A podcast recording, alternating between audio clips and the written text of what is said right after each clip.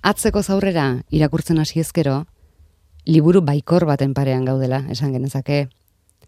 Amaieran jartzen du liburu hau, 2008ko ekainaren batean imprimatu da, alberdani argitaletxearen enkarguz, koronavirusaren erasoa ahultzen ari den egunetan.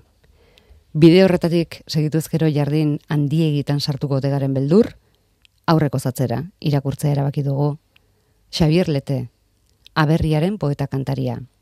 Ales Gurutxaga, alberdania.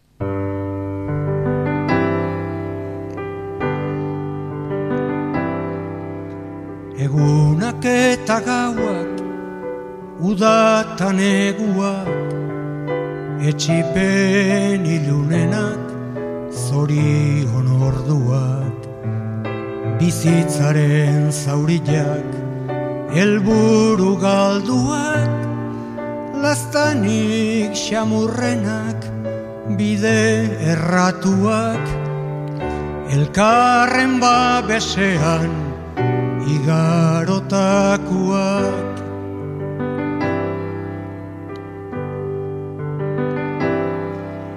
Egun sentiko intza, goizeko loreak, itxasoaren atxa eta koloreak.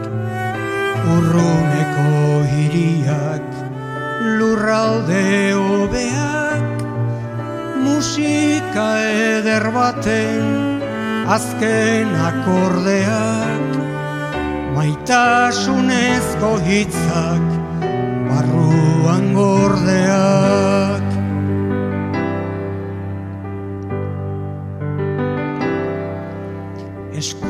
eskutikan hartuta amilduak gera.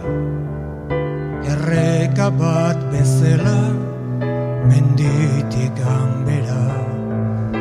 Oinazea geurea geurea plazera.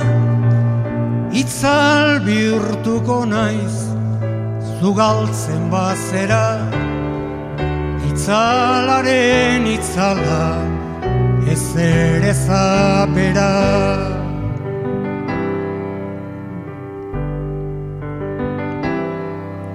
Mugarikin gogorrena noiz baitil beharra igaro eta gero munduko zeharra menta beltsen usaila zure irri farra betiko gozatzea nere ametsa da zeruko jardinetan zerurikan bada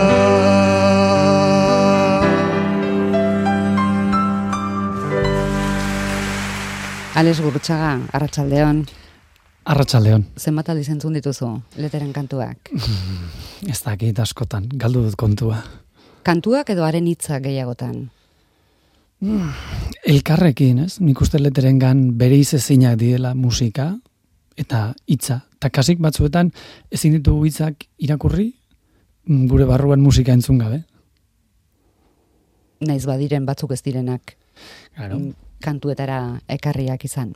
Hori da, hor dago bera, ez? Batzuk bihurtzen dira kantu, eta beste batzuk dira soilik poema. Eta, bueno, oso interesantea da justu tartean gelditzen diren e, pieza hoietan dagoela behar bada lete berezienetako bat. Zer lete poeta ez du mundu guztiak ezagutzen, baina leteren kantu poetikoenak oso barruan dauzkagu. Hitz egingo dugu, hartuko dugu horretarako beta, liburu bat da horretarako aitzakia, segureski azaleko argazki aukeratzeak ere emango zizkizun lanak. Hmm. Ez, ze lete erakutsi, ze espresiorekin, eta justu aukeratu duzue, lete jada hilea urdinduta, mm, irribarre, zer da, irribarre mindua? Hmm. Sufritzen duenaren irribarrea, begirada behera, Bai, hori zen ideia pixkat, ez? E, keinu bat hartzea oso berea, baina etzen nahi izango guztiz argia, orduan hain xuxen hori da, ez? Zuk esan duzuna, erdi parrez ari da, e, bai parrez baina minduta bezala, erdi eskutuan, erdi ironiaz dena da erdi zerbait. Eta bueno, hori, lete komplejua erakusteko modua zen, ez? Bakoitzak bere zera ikusiko dio. Bakoitzak bere begiz eta bere irakurketa egingo du. Horixe da liburuaren azala, barruratu baino lehen, saioaren hasiera. Bederatziak arte gaur ales gurutxagaren konpainian, Xabier Leteren kantuak entzunez. thank you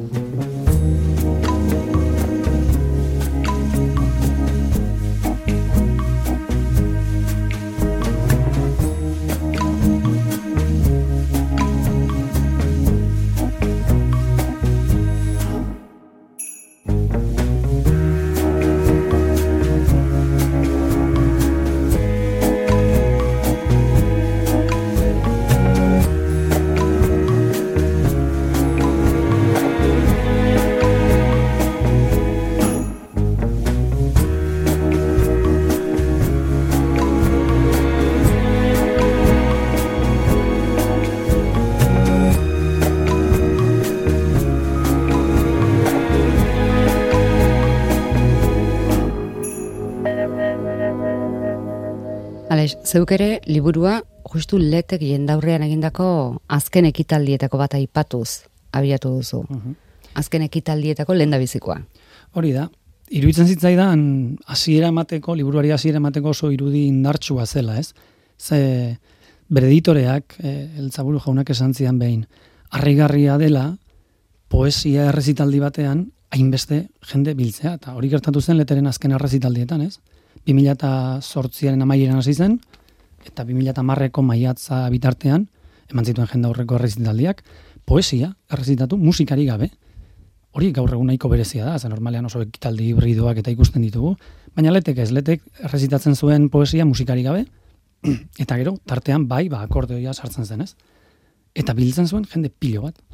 Eta behar bada, ba, ekitaldi guzti Iruñean eman zuen lendabiziko ura, justu Mikel Laboa hil eta hurrengo gunean, ba izan zen guztietan emblematikoena edo unkigarriena, eta beraren zatere ala izan zen, horrek animatu zuen ikuste, ba gero errezitaldi gehiago ematera, ez? Eta oso, oso esanguratsu bai iruditzen zait. Ze esaten dizu? Ba, esaten dit ze neurritako poeta kantaria zen. Ze esaten badugu, ez dela batere ohikoa, esaten ari gara, bueno, bazela norbait. Pertsona bat poesi irakurtzera teatzen denean, eta Euskal Herrian bain bat herritara joan, eta areto guztiak betetzen dituenean, jendeak poesia entzuteko, e, bueno, kanpotik norbaitek ikusiko bagintu martetik edo ez dakit Madrildik, esango luke, bueno, hori nor da, hainbeste jende biltzen duena, ez?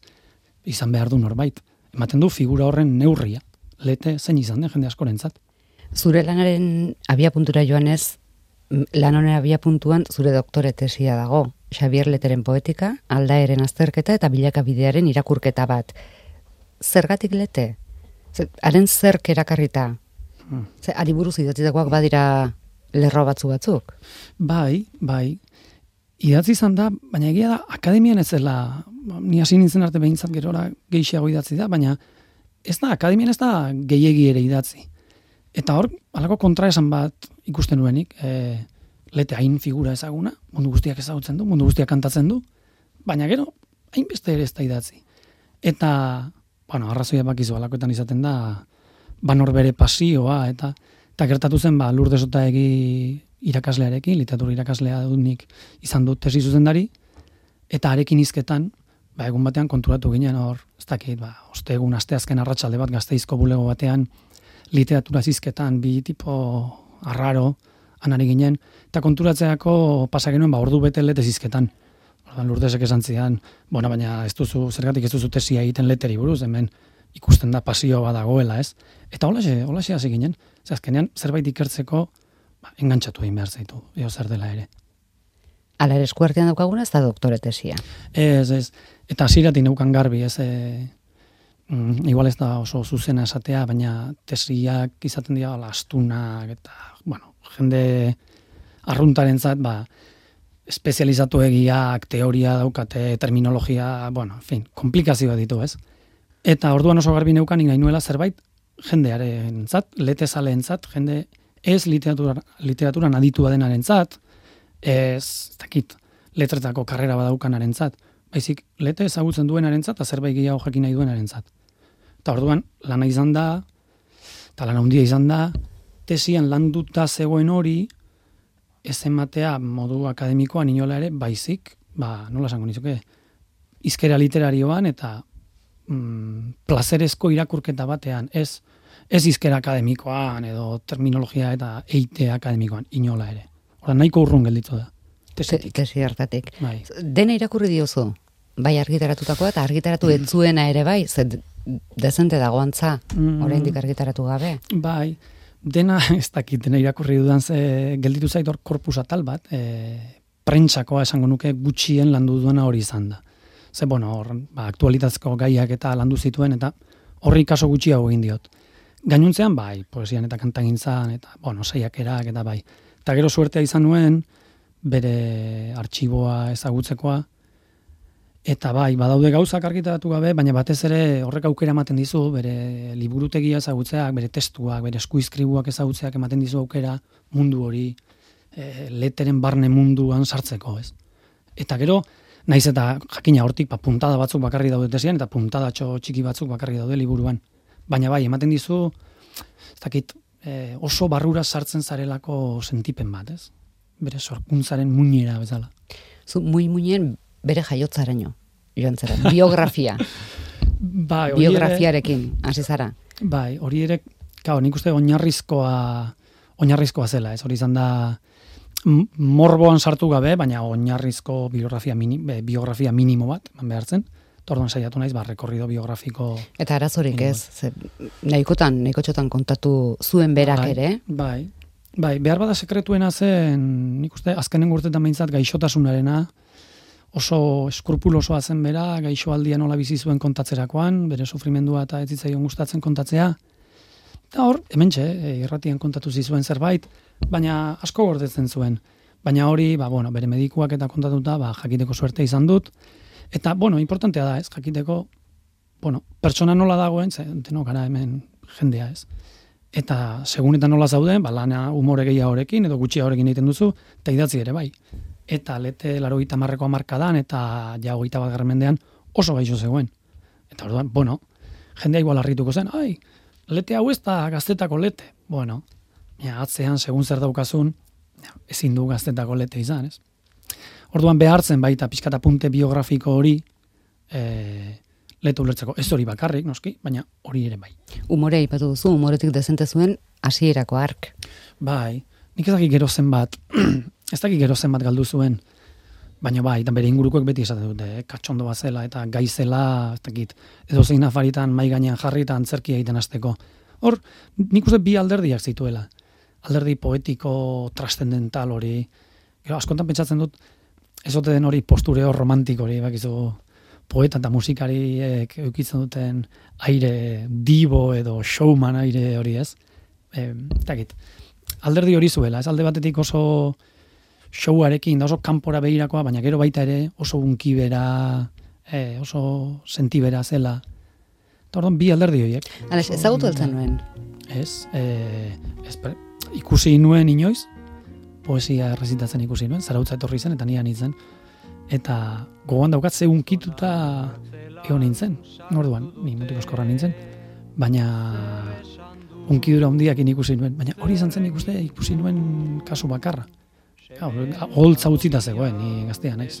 Urte gutxi batzuk egin zituen gainera oholtzan e, poeta eta kantari esaten dugu egia esan bera poesian mm, lehenago nabarmendu zen, Bai. e, saritu ere egin zuten eta kantuan kasualidadez hasi zen. Eta poeta etxean gelditu da ateak itxita Baina poeta ez zen etxean geratu. Gertatu zen beste kantari bat gaixotu egin zela eta haren ordez kantatu zuela indaurrean.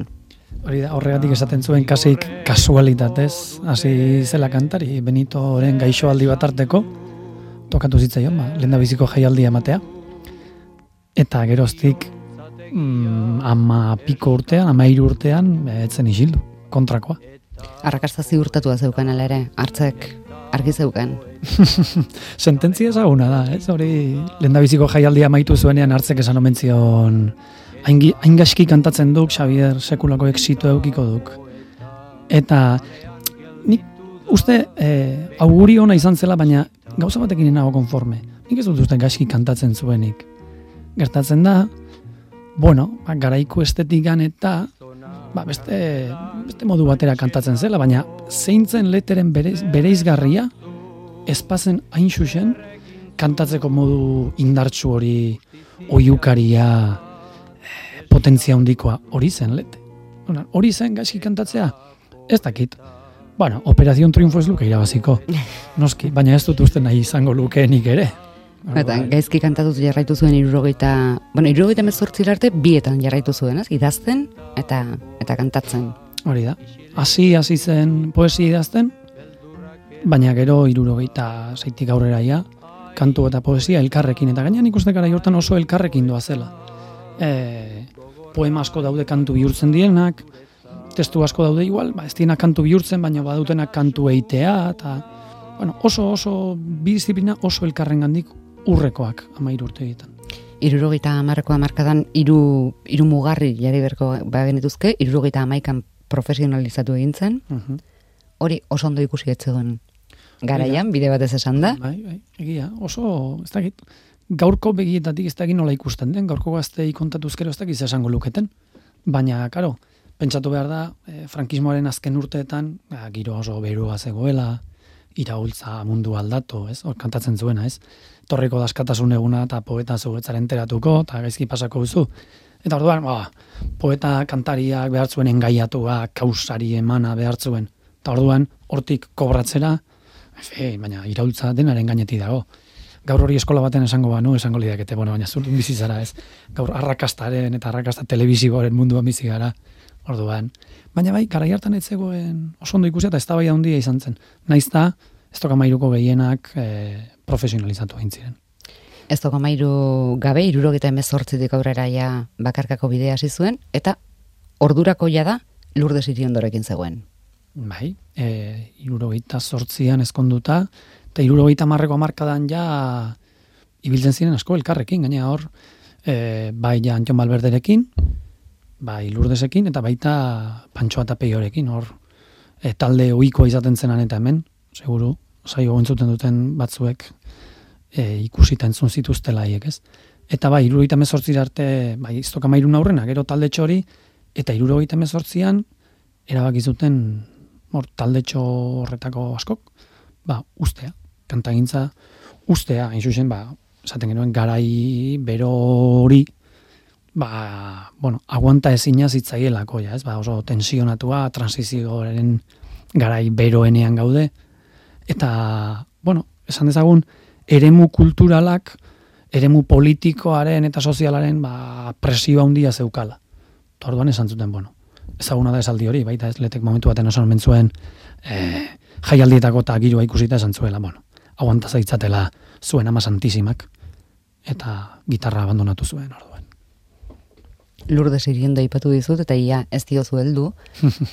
ia liburuan bertan bezala ez agertzen da, badu bere presentzia, baina asko aldarrikatzen duzu Lourdes Iriondoren figura ez dela nahikoa aztertua izan, em, izan zuen oihartzuna izan ondoren gainera, baina hor geratzen da Lourdes. Bai, bai, hala da. Eta liburuan ere ataltxo bat dago, e, kasik seinalatzeko ez, hori egin beharreko zerbait dela. Badago diferentzia bat e, leteren eta iriondoren artean, eta da, leteren ibilbideak asko irauten duela, azkenean kasik menderdia irauten du.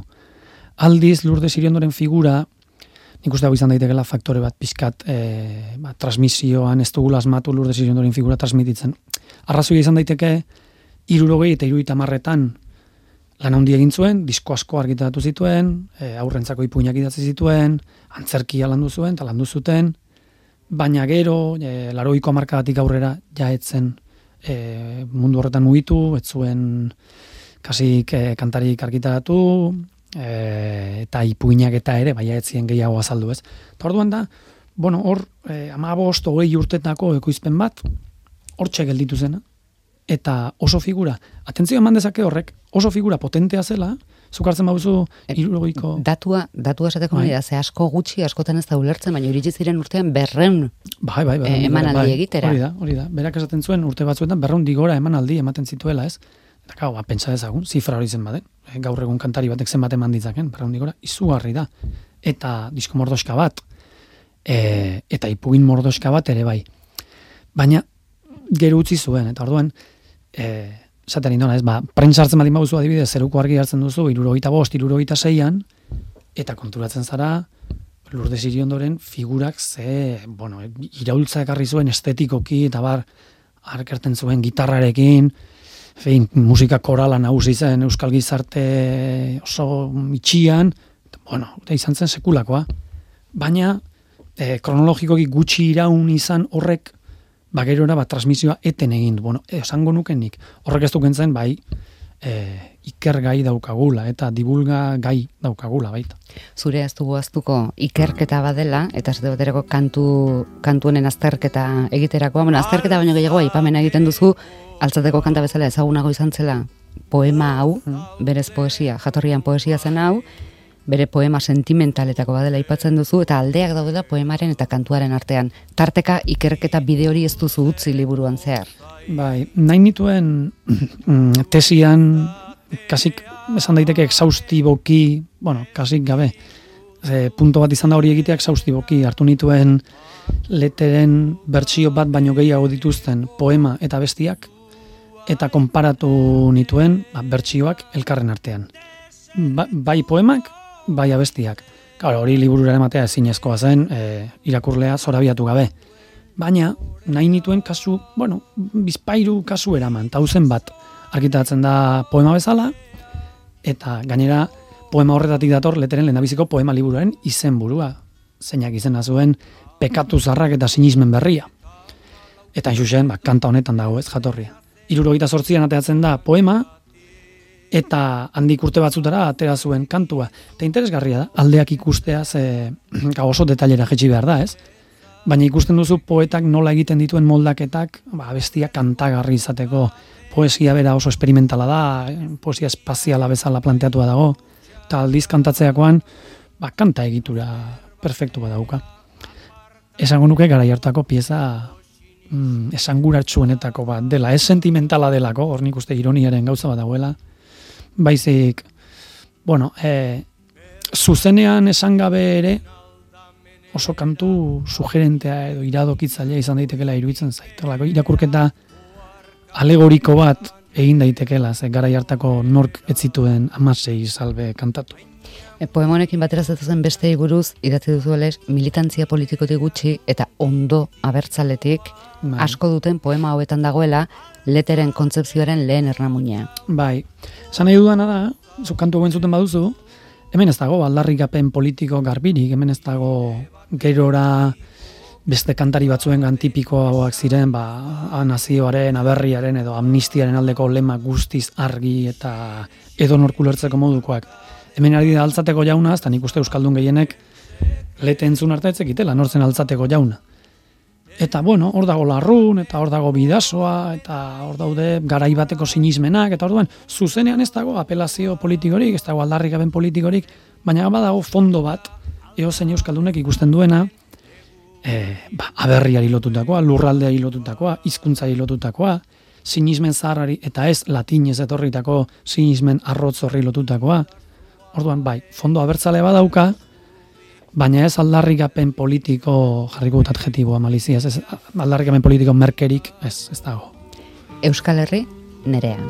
Euskal Herri nerea ezin zaitut maite, baina nun biziko naizu gandik aparte. Anaien arpegian begirada hotza, bihotz berotasuna izaten da motza. Hasi zen diska grabatzen, kantua grabatzen, diska txikiak izan ziren lehen da bizi. Kantu hau zergatik da emblematikoena zure ustez? Hmm. Ba, Eta honen ere bigarren bertsioa egin omen zuen diferentea. Hmm. Bai, bai, bai. E, kanta hau bere lehen da kantuetakoa da. Eta oso emblematikoa da, oso elementu letetar bat daukalako besteak beste eta da kontra esana. Hmm. Hasieratik.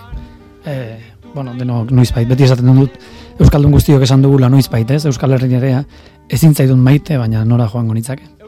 Une hon hemen ez Ba, kontra esan hori, ez da bakarrik hemengoa, gero bila aritu izan naiz, eta Espainian ere baziren, gara hartan alako kantuak, orain e, bete berriak dira baita labordeta, Oso Antonio labordeta hiltzela amar urte, eta ark ere bazeukan kanta bat, e, aragoiri egina, ez da. Berdin kontra esan hori, maite zaitut, baina ez zaitut maite, edo maite zaitut, baina ezin zaitut aguantatu, eta bazen gara hartako zerbait, eta jende askok sentitu zuen zera bat, ez? Bere mezu hasieraietan zertzen mezu mezu soziala, mezu politiko Mm, soziala. Bai. Ola pintzelkada laburrez esateko, esango nuke ulertu behar dela hasierako lete existentzialismoaren barruan. Orduan, eta existentzialismoari lotuta daude poesia soziala, protesta kantua, e, bueno, esakera jakin batzuk daude, e, estetika poetiko jakin batzuk daude. Eta hor dago lete. Mm, bai poesian, eta bai kantagintzan, eta bere iruditerian fijatzen baldin bagara, gara hartako kantuak, dira ilunak, e, gizaki hori nahiko iluna izaten da, makurka eta poliki kantua daukat buruan, ez? Oso gizaki argitasun gutxikoa, trastendentzia gutxiko egoerak daude, zapalkuntzaren ideia bat, eguneroko bizitza iluna bizi behar hori, txingurri txikiak bagina bezala denak elkarren atzetik, eta giro hortako e, poeta eta kantaria da. Iluna, baina indartsua, Eta askotan ironikoa. eta askotan ironiko. Egun senti batetan maitea zen ila Kalera irten nintzen jainkoaren bila Nerekin aurrez aurre esplika zedila Behingo zutzi zezala zedu goi isila. Zutaz maite egina dut galde. Zutaz maite egina dut galde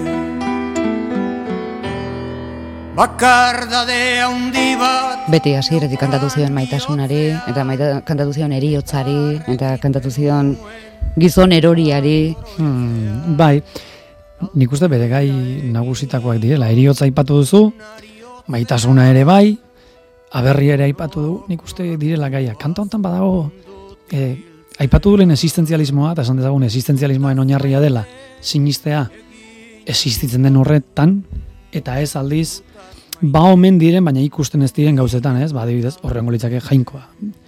Kuriosoa da, eh, hasiratik letek existentzialista denean ere jainkoari dei egiten diola, a ber, zu nuntzaude eta ez du erantzuten. Eh, kuriosoa da kontra esan hori. Bueno, Federico, Federekiko bazuen lotura eh, Bai. teologia, no zen, Teologia, ideologia.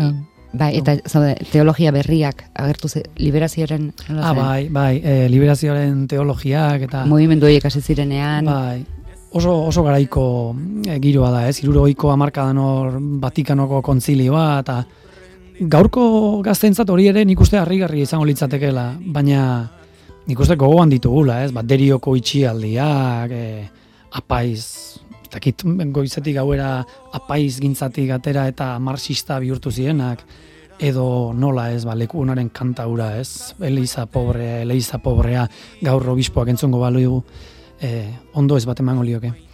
Ba, claro, garai hortako giro beroa zen, ez? Izarren hautsa egun batean bilakatu zen bizigai Hautsartatik uste gabean noizpait gina den gu ernai Eta horrela bizitzen gera sortuz ta sortuz gure aukera. Atxedenik hartu gabe, atxedenik hartu gabe. Lana eginaz goaz aurrera, kate horretan denok batera. Gogorki loturi gaude, gogorki loturi gaude. Aize polita, leteren kantua. Zenbat gustatzen zitzaion berari, zenbat maite zuen. Bueno, bazituen e, jendeak galdetu izan dit, zein da leteren zure, lete ikertzeko zure korpusa eta nik esaten dien, dena bere, dena interesatzen zait, baina nola dena hori ezinezkoa da. Kao, dena interesatzen zaiz, lete oso aldakorra izan zen. Eta bere zaugarritako bat da, kantuak behin eta berriz egiten zituela, eta bere poemak zuzendu egiten zituen, izarren hautsak bertsio pilo bat ditu.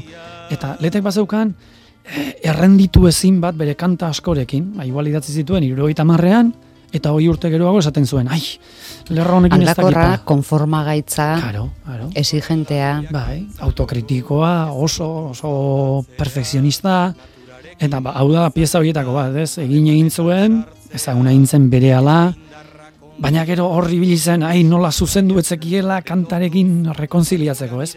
Hoi da, e, kantaren ezaugarri hon bat iruditzen zait da, kantak asko esaten duelako. Zer lau txorakeria esango balituzke, ba, ezken nuke arazorik izango, baina asko esate baitu. berak asko esan duen bere buruaz ere, ni naiz kantuan, definitu zuen bere burua.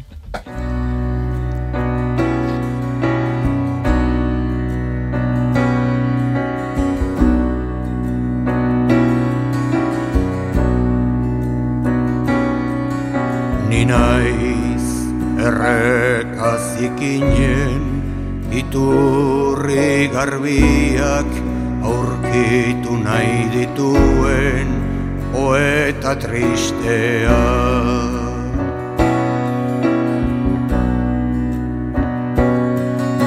Ni naiz kaletan zehar neguko eguzkitan lanera dijoan gizon bakartia.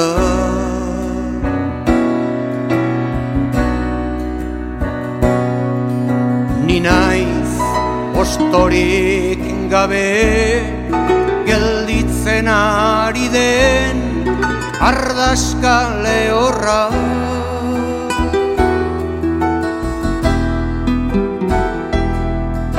Ni naiz pasio zahar guztiak iskali nahi dituen Eta guztiari gara liburu batetik eh, entzuten, Ales, zenbat disfrutatu duzun atalei izenburuak jartzen leteren hitzak lapurtuz. Ez daukat gogoan, e, Atalen izenburuak jartzerakoan, zein, zein daukazu gogoan, Antxa, harrapatu egin nauzu. apuntatuak dauzkat. Batirik dut zeuen ama santisimak izen du atal batek. Ah, Ba- etor- dira. Etorri zait baita gora txirrita forever jarri nuen bat. E, Ziento badaude, bai, zerbait, e, ba ez naiz bani titulua jartzen oso ona, eh? nik gogoan daukat berrian kritikak egiten dituenean oso gaizki pasatzen nuen. Ze oso titulo txarrak, deskribatzailea jartzen dituen, orduan, ah, igual ikasten hasi naiz azkenean. ikusi dut tira egin duzula haren haren hitzetatik gero zeure erara erabili zeure nahien arabera, baina bai bai, Ikasten hasi izango naiz orduan. Banuen garaia. ni nahi zentzuten ari ginen, ari gara, hemen pianoa ere entzuten dugu, Bai. E, oso hasieratik egon zen, leteren ibilbidean pianoa aurrena Anton Balberderekin, ark egiten zizkion ondokoak eta harmonizazioak eta bueno, ba, lan handia eta ibilbide luzea egin zuten. Eta gero ja gara portzelan asko ontzitxoa. ontzitxoa, bai, hori da e, bere poema batetik, ba, kantu batetik. Eta gerora esaten nuena pianoan ba, sartu zen Carlos Jimenez. Eta, bueno, beti piano jole unak eta garrantzitsuak bere inguruan. Hasieran ala ere gitarrarekin. Bai, hasieran gitarrarekin, ba- bazeukan piano bat, em, letek berak, eta nik uste notatxoren bat bazekiela jotzen, baina ez gehiegi.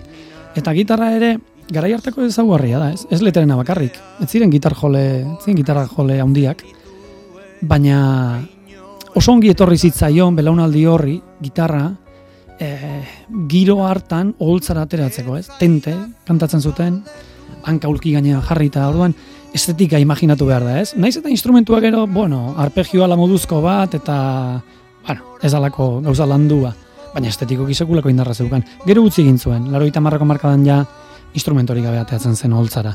Beste seriotasun bat. Zergatik zen kompletoa. Hmm. Ba, esango nuke, e, gauzasko egin zituelako, eta batez ere, gauzasko hoiek osongi jakintzuelako e, kombinatzen eta e, gauzei zentzu ematen. Letek oso garbi zeukan, adibidez, kantagintzak eremu independente izateaz gain, zenolako indarra zeukan poesia transmititzeko adibidez. Orduan oso garbi zeukan, ez? Hezkuntza ez formala oso ongi egin zitekeela kantagintzaren bidez. Oso garbi zeukan. Eta horrek nik uste bihurtzen zuen e, intelektual bat.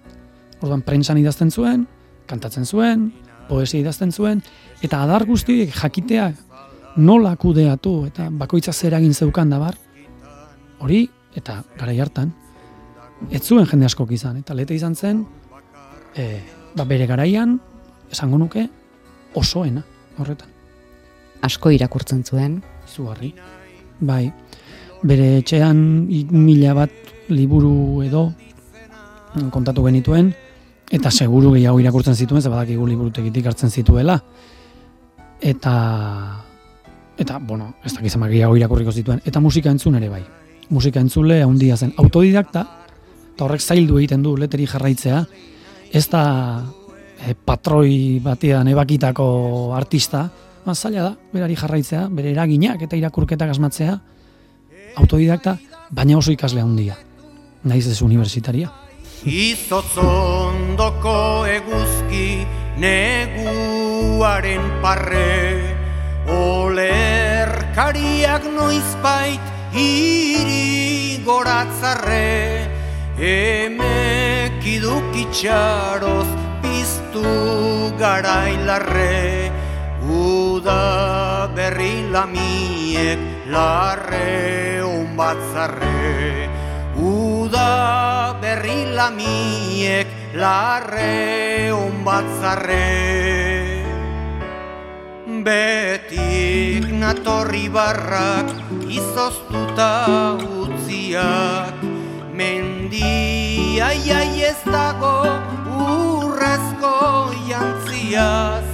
Haren parrea dadat irrika biziaz gozatua baitu gaur ez di bereziaz gozatua baitu gaur ez di bereziaz Entzuten ari garen kantu hau guztia denak irurogeita amarreko amarkada ingurukoak. Bai, bai irurogeiko amarkadaren bukaerakoak eta irurogeita amarretakoak. Bai, leteren garai e, ba, aberatzena sorkuntzari, sorkuntzen aldetik, bai.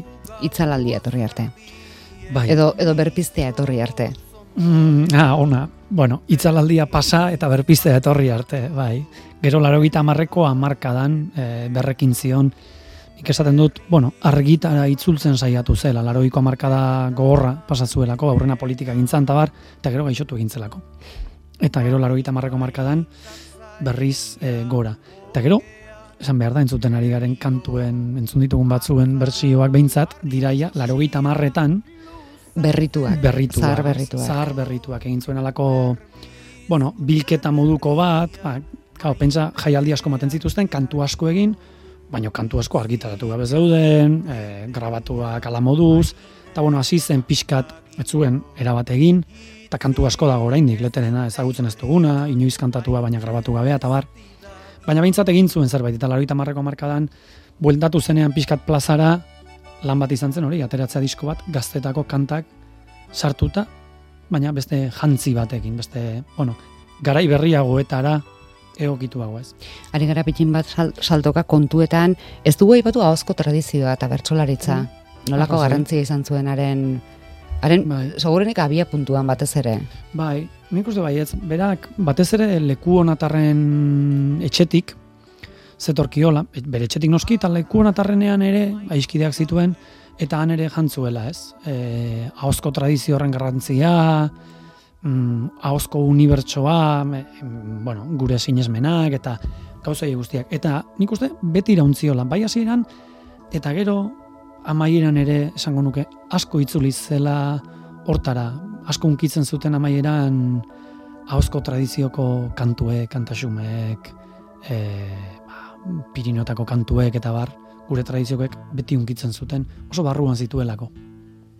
Zeru altuan zegoen jaunak egina zuen mundua sei egunetan izerdi patxez moldatu eta ondua zazpigarren ez deskantsatzia atera zuen kontua izadiaren Miguel Txerua, etzen bat ere tontua.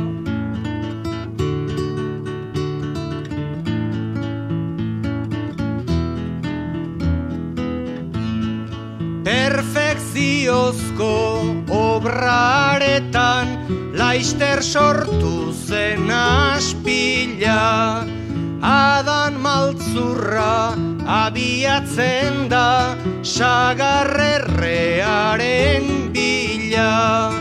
Lenda biziko askatu zuen Gerrikoaren ebila. Eba ikaraz zegoen baina Bekaturako abila Ez dago ez bales, e, sakrilegio bat egiten ari bagina bezala, ez ari da hor lete kantuan eta kantuan, eta gu jotasu Bai. isilarazi eta Bai, eta gainetik ari buruzko kontuek esaten bate Bai. baino gehiago esango du. Dagoen Isilduko tokian- dira. Dagoen tokian dagoela madarikatzen nahiko da, isilik entzaizte. Bai, Hala uste duzu? Ez dakit. Batzutan, aitortuko izut, divertitzen naiz pentsatzen, e, nola bait, batzutan lanean aizarenean animatu behar da, eta batzutan pentsatzen dut, oin, ikusiko bagintu ze esango luke, edo ari baldin manaiz berataz, ze esango luke, isildu bai, txoakeiak esaten nahi aiz, batzutan pentsatzen dut, ez? Zertan nahiko den. Bakizu ze pasatzen den, hainbeste kantu ditu, hain ezagunak, lehen esaten zen duen kompletoa, ez? Osoa nola. Jo, ba ez dauka inkorpus handia. Baina, ze euskaldunek ez ditu ezagutzen leteren bizpairu kantu. Hori handia da. Edo iruzpalau, Edo, ba, edo, edo edo zazpi. edo, edo dozenatxo bat. Bai, bai, gainetik hitz egin behar, azkenean. Liburua irakurriko balu? Uf, ez dakit, egia esan ez dakit. Mm, ni saiatu naiz, zintzoa izaten, eta liluramendu gehiegi gabe tratatzen gauzak, ze liburua ez da omenaldi liburu bat. Da saiakera bat leteren obrari, bere figurari eta bere obrari buruzkoa. Eta badaude, gai komplikatuagoak ere, zeinei buruz, igual esango zidan zertako kontatu hori, adibidez, ez dakit. Baina, bueno, e, nik uste omenaldi honena ere nola baita egin behar baldin mazaio hortik egin behar diogula. Bueno, ez, ez Xabier Leteri bakarrik. Gure aurreko haiei guztiei ikertuta, eztabaidatuta eta transmitituta. Omenaldiak ondo daude, behar ditugu. Baina ikerketak eta eztabaidak eta nik liburua pentsatzen dut, askotan pentsatu dut, pixkat elkarrizketa edo dialogo bezala irudikatu izan dut. E, imaginatzen dut nire aurrean norbait hori irakurtzen eta batez ere imaginatzen dut gaur irurogei, iruitamar urte dituen jendea. Esan dezanen, han egon zena. Orduan, bueno, e, tentuz noa. Eta esan egin dut, baina entzuteko handia daukat baita. Baina esan ere egin duzu, eta, Bai. eta iritzia eman ere bai zenbaitetan. Letek deserosoa izateko ausardia izan zuen. Mm. Subjetu berri baterako ateak zabaldu zizkiguten, baina euskal gizartea oraindik ez zegoen prest. Mm. Zorretan gaude, maitasunez, traizionatu gintuzten haiekin. Bai, Hori zurea da. Bai, bazera egin dit, enze, zuri entzuteak, ai. Em, bai, gertatzen da, garaia oso gogorra zela, ari gara, ba, mila bat da laro buelta hortan gaude, justuetaren urteko gorrenak dira, eta lete, euskaltzale, kantari eta bertzale porrokatua izanik, ba, posizionatu zen, oso argi eta garaiz, etaren indarkeriaren kontra eta beste zenbaitek bezala, ba, bere orduan, ba, pairatu zuen posizio hori. Eta, bueno, nik uste, e, benezin dut esplikatu, baina nik uste, bai, ireki zituztela haiek, ez bera bakarrik, beste zenbait jendek ere bai, ireki zizkiotela ateak, Euskal Gizarteak gerora egingo zuen ibilbideari. Letek sinatu zuenean hogeita mairuen manifestua, ban zeuten, eh, on Jose Miguel Barandiaran, Koldo Michelena, mm, Karo Baroja jauna, bueno, baziren nor, haiek. Eta, bai, nik uste, garai hartan traizio bat izan zena, gaur, ez dut uste, gehienok sinatuko genukenik traizio bat izan zenik, Oro nola bait, zorretan, zentzu horretan, ez? Errekonozimendua ere, zor diegu, haiei. Sufrimendu asko ekarri zien, zion, Bai, garai horrek. Bai, leteren kasuan gertatzen da nik uste oso zigilu etikoa oso markatua zeukala, ez? Indarkeria beti eman zuen gaizki, eta berdin zion nondik zetorren, eta oso oso gaizki ematen zuen. Hartu gogoan adibidez, da malkoak euri balira bezalago kantuak, ez? Min handia egiten zion, indarkeriak eh, edo Beatriz Allenderi egin ziona unkituta, ematen zuen azalpena, abesti hori nola egin zuen, ez? Eta Txile buruz ari zen. Etzen, ezen urnitaz ari, esan nahi dut. Baina mina handia egiten zion, oso barruan zeukan, ez? Eta orduan beti posizionatu zen, indarkeriaren aurka, edo zintokitatik zetorrela ere. Baina hori Euskal Herriaren historia ezagutzen duenak badaki, beti, ez zela ongi ikusia izan, eta ez zituen beti erantzun onak izan. Lauro eta amarretan itzuli zenean beste ahots bat bilatzeko ahalegina egin zuela uste duzu. Nik esango nuke baietz, ze, kau, Intentzionatua izan zela. Bai, hori hori seguru. Saiatu esaten dut batez ere, gero ez baiatu daiteke lortu zuen edo ez, ez? Baina saiatu zela nik uste segurua dela, ze, kau, hasierako kantuik entzun ditugunak, eta poeta, eta poeta, edo Euskal Herri nerea, oso esakera gogorrak ziren, oso melodia indartsuak ziren. Eta laroita marrako markadan ja gaude Xabier Lete mindu eta sufritu baten aurrean. Ahotsa bera ere ja jetxi zitzaion. Gaixo zegoen, euki zituen eh, hainbat ebakuntza, hilzorian egona zen. Oain, egoera horretan, eta poeta gogorra izango da askatasun eguna kantatzeak, nik ez dakit zentzurik izango ote zuen beretzat, ez? Aldiz, ba, beste kantu batzuek, gara hortakoak dira, ba, abanera, agian, eta beste tonu badaukate. Beste, ez, gauzak esateko beste modu lasaiago, orekatuagoa, ez da? Nik uste hor bilatzen duela beste ahots bat. Beste serenidade bat. Bai, Idatzi duzu. zeuk esan duzu. Bueno, bitu, ah, nintzen gogoratzen. Bai, ez, lapurtu egin dizut. Ba, bueno, serenitatea, bai, bai. Beste oreka bat nik uste bilatua. Eta kantakeran ere sumatzen zitzaion. Abanera berak sortutako azken melodia. Bai, ziurrenik bai, et, edo behintzat berak e, idatzi musikatu eta abestutakoa bederen, bai, bai, eta norkeztu zautzen. Urrun batetan irudimena galdurik Uda berriko euritan Larrosak pizten ikusiz. Osabako mertzianterik Ez nuen izan abanan Pianorik etzegoen Bizi nintzen etxe hartan Neskatzen puntila fina Hainbeste kontu gerotu zaizkigu, aipatu gabe, hainbeste kantu entzun gabe, bueno, horretarako dago liburua, datu guztiak kronologikoki ondo antolatuta irakurri nahi dituenarentzat, bada kontu bat aipatu gabe utzi nahi ez genukena, bakarren batek pentsatuko deloko, aproposo egingo dugula. Eta da, bere azken urteotako, urtetako, ez urteotako, azken urtetako plagio kontu haiek. Bai. Ba hori ere, bueno, horrek, e, nik uste merezi duela, edo liburuan, edo beste nonbait, baina irakurtzeaz, e, ez, ez nion iskin egin nahi gaiari, ez? Laro gita marretan hor bueltatu zenean plazara, ba badaude, e, poema batzuk bereak ez direnak, eta hor sortu zen, ba polemik handia, ez? Leteren plagioen inguruan. Ni saiatu naiz datuak ematen, eta interpretazio posible bat ematen.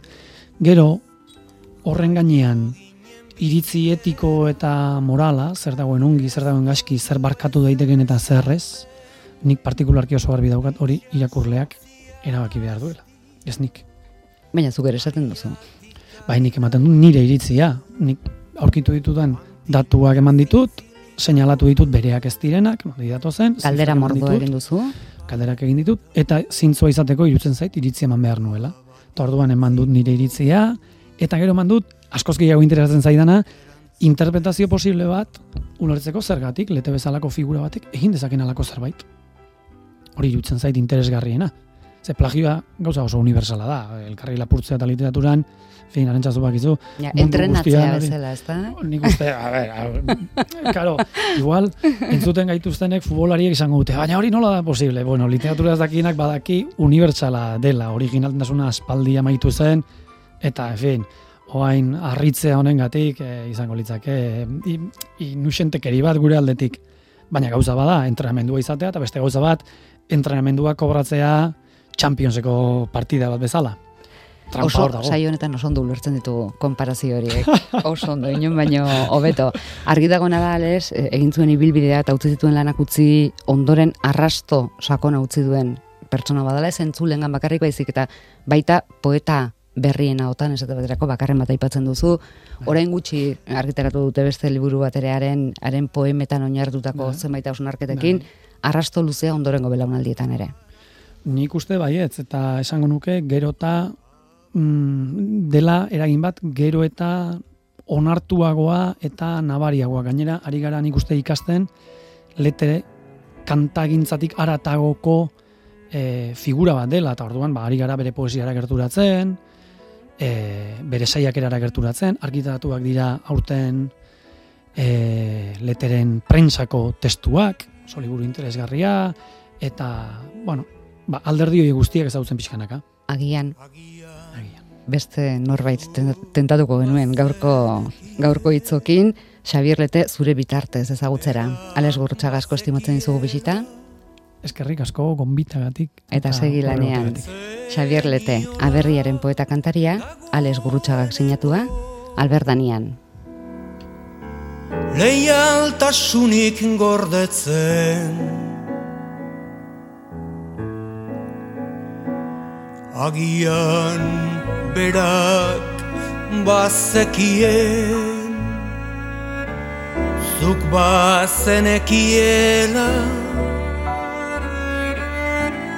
Ordu oroko galderaren Erantzun beti estaliaz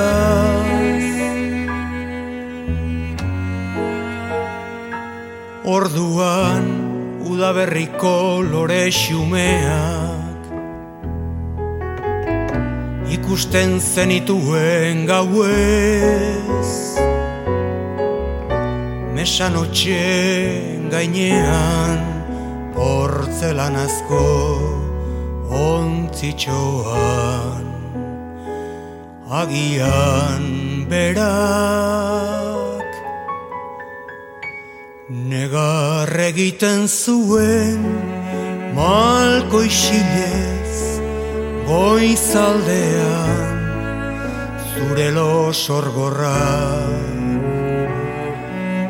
Kulparen angustia estaltzerakoan Agian horrela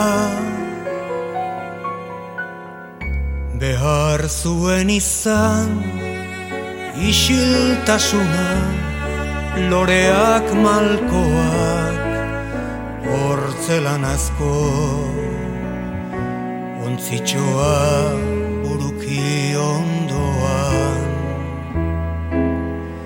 Esker txarraren arauak Bai ditu bizitzak gehienetan